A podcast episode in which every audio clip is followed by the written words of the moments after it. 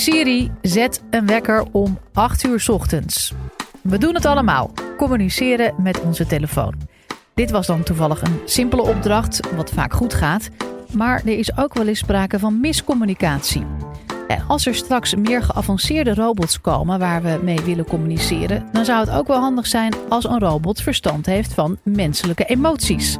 Want een robot die niks van jouw emoties snapt, daar ga je je vast alleen maar aan ergeren. Nou, hoe je een robot emoties aanleert is iets waar Dr. Kiet Truong van de Universiteit Twente jou in de volgende podcast veel meer over kan vertellen. Live vanuit Club Air is dit de Universiteit van Nederland. Kan een robot de emoties in jouw stem herkennen? Ik ben hier met Nao. Ik ga even gedag zeggen tegen Nao. Uh, ik moet het wel in het Engels doen. Uh, hij kan helaas nog geen uh, Nederlands. Ik ben een beetje nerveus. Ik weet niet of hij dat uh, oppikt. Hallo Nao. Where am I? Who are you? My name is Kiet. Hi Kit.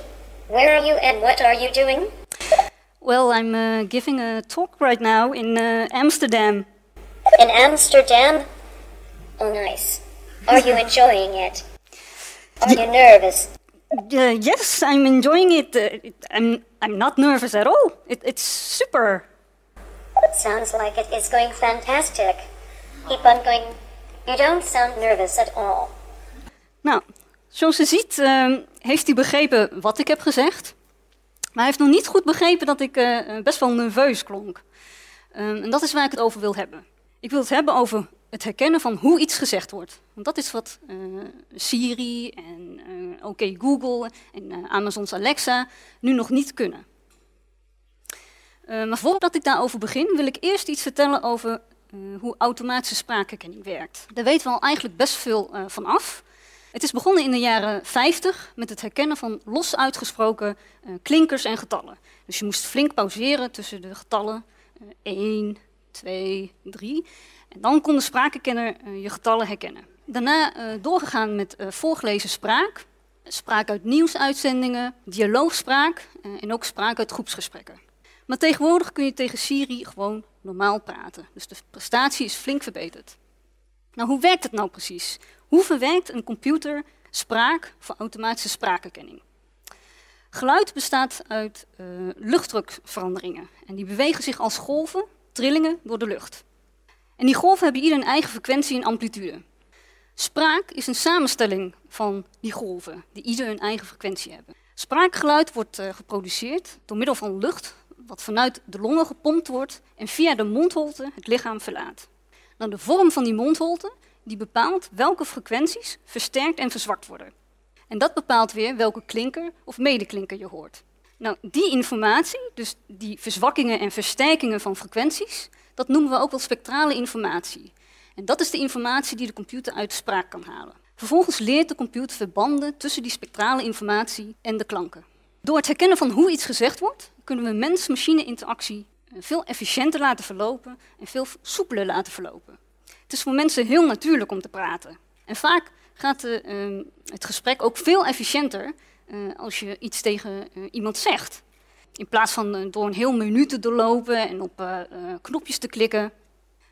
Het is een hele grote uitdaging voor robots om sociaal gepast gedrag te vertonen en om adequaat te reageren op menselijk gedrag. Nou, we hebben zelf op de universiteit ook onderzoek gedaan naar emotieherkenning van robots. wat we hebben gedaan is, we hebben geprobeerd een sociale virtuele agent te ontwikkelen. En die virtuele agent die gaat knikken en mm zeggen op bepaalde momenten. Dit zijn zogenaamde minimale luisterreacties. Dus die agent gaat net doen alsof hij naar je verhaal luistert. De timings van deze knikjes en uh, dat waren eigenlijk dat waren willekeurige momenten. Zo'n knikje dat op een verkeerd moment valt, maakt het hele gesprek al onnatuurlijk. dus zo zie je maar hoe belangrijk het is om die sociale interactie tussen mens en machine goed te krijgen.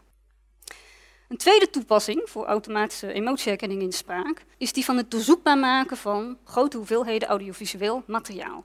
Denk aan uh, YouTube-video's uh, en archieven van talkshows. Nu kun je zoeken op onderwerp en zoeken op wat er gezegd is. Maar zou het niet mooi zijn als je kunt zoeken op de emoties die de mensen hebben vertoond in een talkshow bijvoorbeeld. Dan kan ik de vraag stellen, geef mij alle blije momenten van koning Willem-Alexander. Ik hoop dat ik hiermee duidelijk heb gemaakt dat emotieherkenning hartstikke nuttig is. En ik ben gelukkig niet de enige die dat vindt. Sinds de jaren 90 is er een veld in opkomst, het heet Effective Computing. En het doel van het veld is het ontwikkelen van sociale en emotionele machines. Daarbij wordt niet alleen naar spraak gekeken. Uh, naast spraak zijn er ook andere modaliteiten, andere expressiemogelijkheden waarmee je emoties kunt uiten. Denk bijvoorbeeld aan gezichtsuitdrukkingen of lichaamstaal of handgebaren. Dus jullie moeten goed in je achterhoofd houden dat naast spraak er ook andere uh, expressiemogelijkheden zijn. Nou, als we zo'n machine willen ontwikkelen die jullie emoties kan herkennen, dan is het wel goed om eerst te kijken hoe mensen het doen, hoe goed mensen dat kunnen. Um, wat nu redelijk goed gaat voor computers, is het herkennen van de geacteerde zes universele basisemoties. Nou, de zes universele basisemoties zijn boosheid, blijheid, afschuw, angst, verbazing en verdriet. Dat gaat nu redelijk goed. Maar we willen eigenlijk naar het herkennen van spontane emoties toe. En daar is wat meer voor nodig. Spontane emoties zijn meestal wat subtieler uh, zijn wat minder extreem dan die geacteerde basisemoties. Uh, ja, hoe komen we daar nu? Veel draait om data. Een computer heeft veel voorbeeldmateriaal nodig om die emoties goed te kunnen leren. Daar zijn veel uitdagingen aan verbonden. Hè? Hoe verzamel je spontane emotiedata um, en hoe label je ze eigenlijk? Met labelen bedoel ik het aangeven van de begintijd en eindtijd van een bepaalde emotie. Dus de computer moet weten uh, van wanneer tot wanneer was deze persoon boos of blij. En dat zijn de voorbeelden die de, die de computer wil hebben. Nou, verder moet het spraaksignaal een beetje schoon zijn. Dat wil zeggen, uh, geen achtergrondgeluid. We, we, willen ook niet dat mensen door elkaar praten. Als mensen door elkaar praten, dan uh, weten we niet meer uh, wie bij wat hoort. Nou, als we die data hebben, dan gaat de computer daar spraakkenmerken uithalen. En dan gaat hij de verbanden leren tussen die spraakkenmerken en de emotie. Nou, wat zijn nou precies die spraakkenmerken uh, die van belang zijn voor het herkennen van emotie in spraak? De eerste groep van spraakkenmerken um, is die van uh, prosodie. Nou, prosodie is een, uh, een, groepsterm, is een term wat een groepje van spraakkenmerken beschrijft. toonhoogte.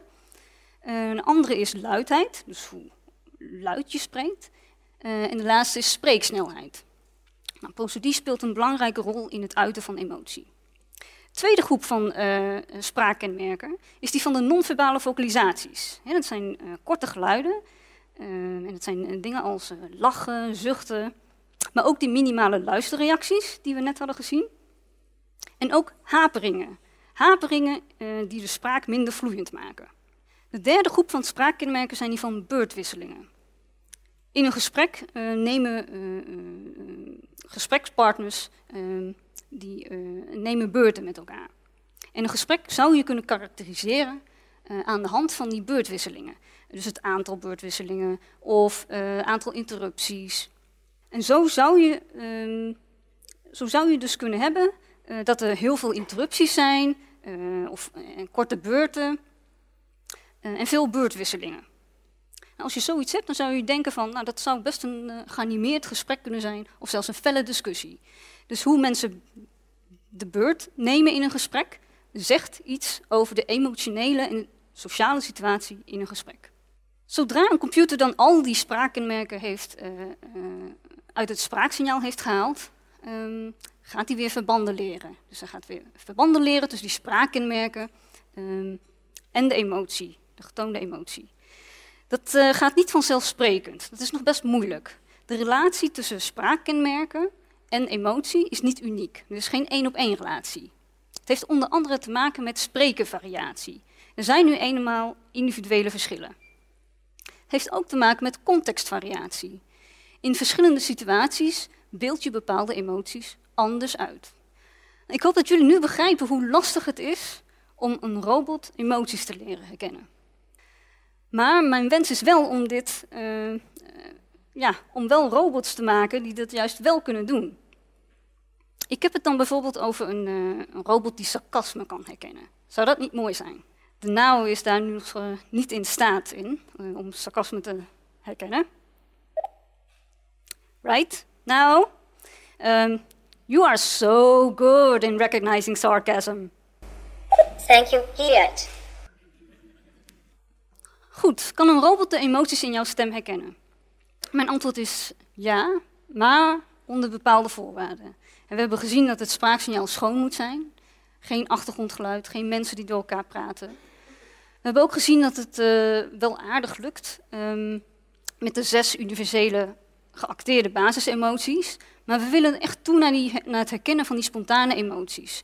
En daar is nog veel meer onderzoek voor nodig. Uh, meer data is altijd beter, maar ook de kwaliteit is van belang. Uh, we hebben ook meer begrip nodig van die spreker- en contextvariatie. Dus wat is de invloed van de spreker uh, in de situatie op het uiten van die emotie? En als laatste um, moeten we uh, niet alleen aan spraak denken. Er zijn ook andere modaliteiten waarmee we onze emoties kunnen uitdrukken. En hoe werkt spraak nou samen met die andere modaliteiten, zoals gezichtsuitdrukkingen en lichaamstaal? Nou, werken aan emotieherkenning in spraak is een mooie uitdaging, grote uitdaging zoals jullie zien. Maar ik ben er zeker van dat we in de toekomst zeker emotionele en sociale machines tegen zullen komen.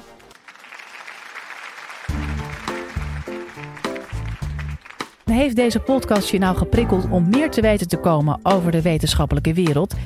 Maak je borst dan maar nat, want de Universiteit van Nederland komt met een nieuwe podcast genaamd Lableven.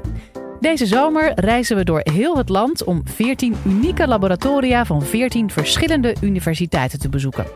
Iedere woensdag hoor je de ins en outs van wat er speelt in het lab. Maar ook wie de wetenschapper achter het onderzoek is. Want wetenschappers zijn tenslotte ook maar gewoon mensen. We luisteren nu onze nieuwe podcast Lab Leven.